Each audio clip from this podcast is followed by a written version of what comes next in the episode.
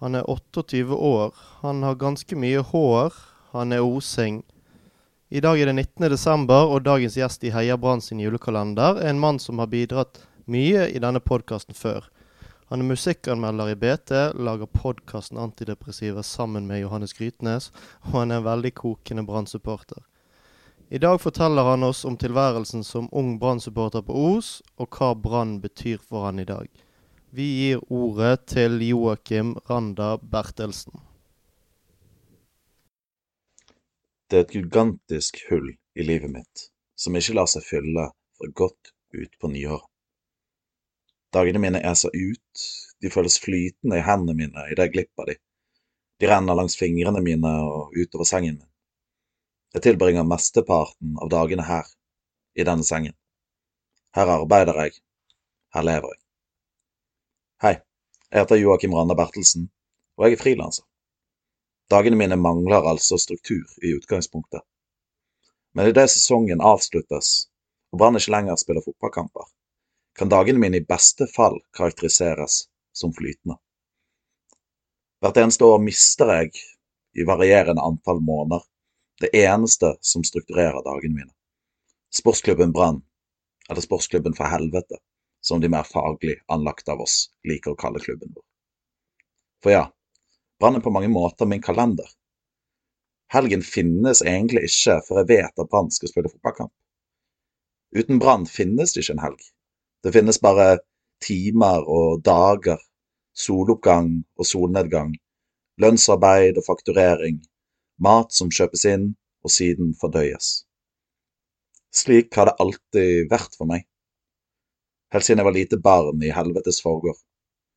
Ja, kjære lytter, jeg, eh, jeg er fra Os. Allerede som svært begavet og høytstående og høytsvevende elev av Q-entre barneskole utgjorde sportsklubben Brann et slags okkult og rituelt rammeverk for meg og mine venner. På søndagen spilte gjerne Brann fotballkamp. Denne endte som oftest i skandale. På mandags morgen møtte jeg mine beste venner på den tiden, Jan Ole og Kristoffer. Jan Ole gikk ofte til, sko eh, til skolen med sin kjæreste eiendel, såkalte ekte Kvisvik-sko, i neven, bare for å vise til hele verden at han eide ekte Kvisvik-sko. Som om disse fortryllede skoene, dette ærede objektet, spinnet en slags hellig tråd fra Lille Os til den halvfeite guddommen som trasket rundt idrettsveien på denne tiden. Og ja, det var sannsynligvis noe mer enn barnefantasi involvert i akkurat dette. Jan Ole fungerte som en slags ypperste prest i alt som hadde med sportsklubben Brann å gjøre, som om han visste noe mer enn oss andre, som om han var nærmere det hellige enn det vi andre var. Jan Ole bar sakramentet, han bar disse hvite og røde umbroskoene, denne forbindelsen til det aller helligste og den aller feiteste av østfoldinger. Så derfor var det også Jan Ole som, led, som ledet oss i våre okkulte, brannrelaterte morgenritualer. Langs asfaltveien så skiller Oshallen fra Kuentra barneskole. Rett ved høyspenningsskuret med taggene Metallica og Tupac lever. Et par meter fra der jeg nesten ble kvalt til døde som femåring på vei hjem fra skolen, sto det et rufsete eksemplar av en sitkagran. Denne sitkagranens navn var Tommy Skjerven. Hver mandag, etter nok et ufyselig tap, enten det var snakk om et ran eller en skandale, samles vi her og kastet stein på Tommy Skjerven. Jævla dumme Tommy Skjerven, skrek vi og kastet stein. Vi kastet stein helt til Tom Skjerven hadde forlatt systemet vårt, og en ny uke endelig kunne begynne. Jeg kaster ikke lenger stein på Tommy Skjerven, men en må fremdeles alltid få Brann ut av systemet. Sportsklubben Brann og Fernet Branca rammer inn ukene mine nå. Sportsklubben Brann og Fernet Branca er mine hellige ritualer. Sportsklubben Brann er, i flere forstander, et familiemedlem for meg.